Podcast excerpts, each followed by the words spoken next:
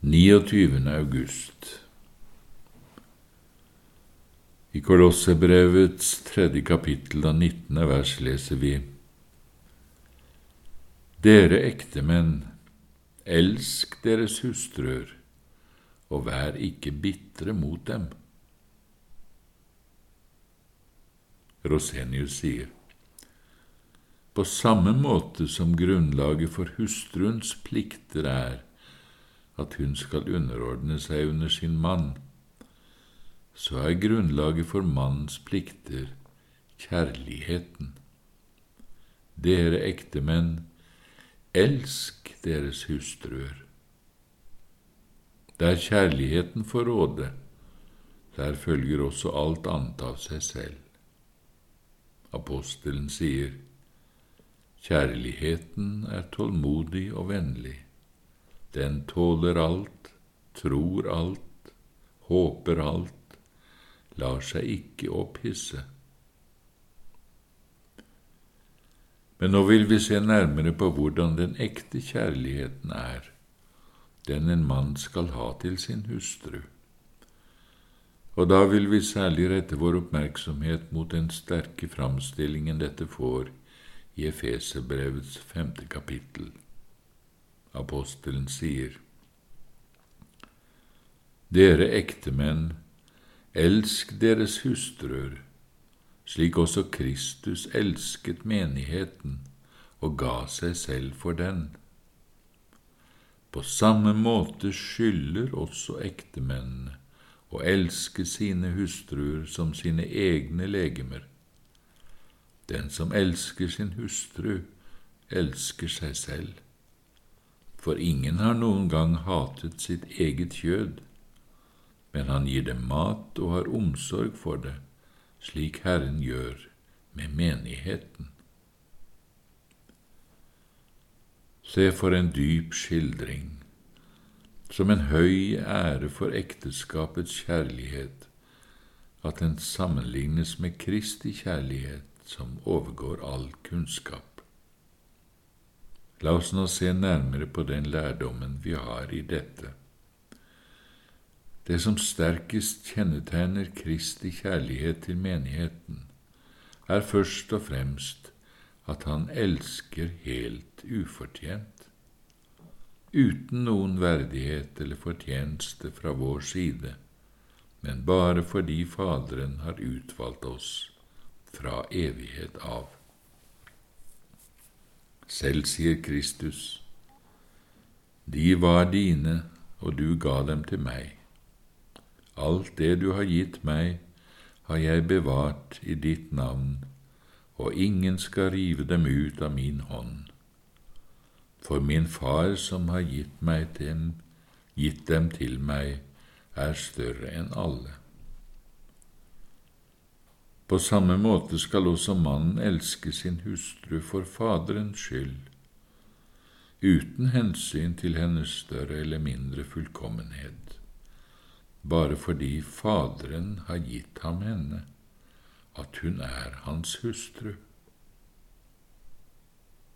Den kjærligheten som springer ut fra personlige egenskaper, som svinger med gode og vanskelige tider, er en ustadig og overfladisk kjærlighet.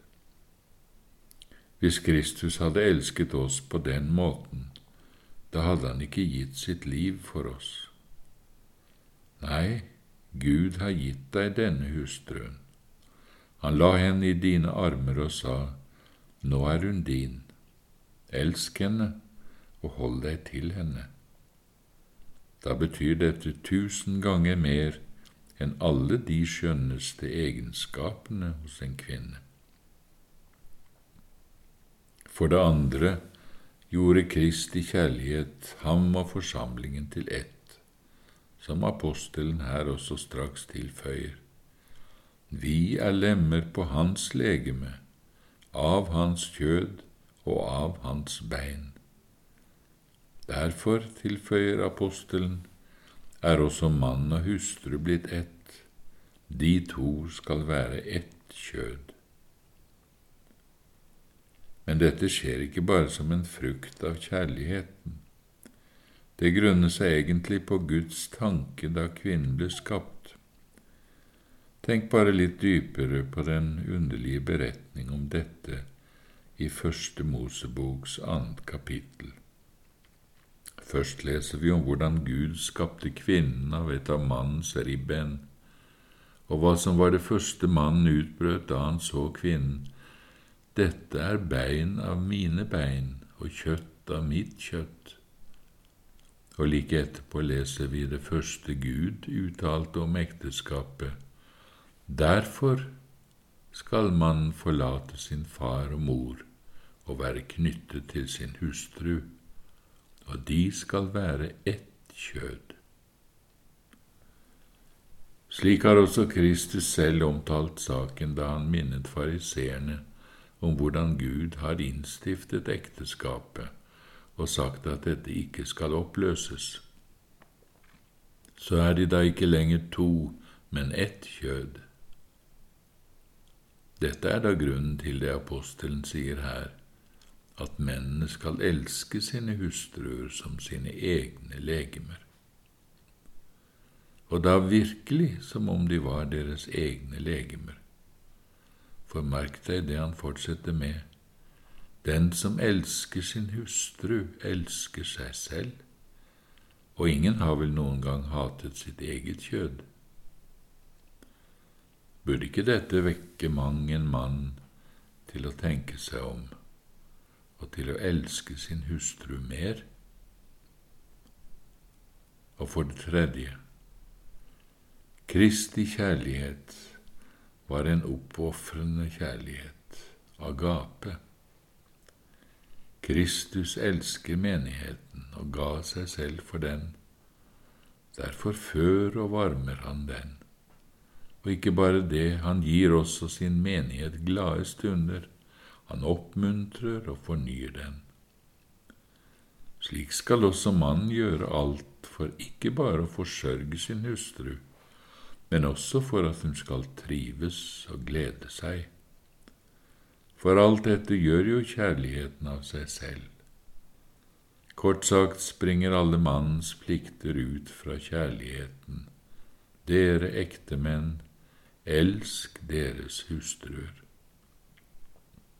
Men apostelen fortsetter, og vær ikke bitre mot dem.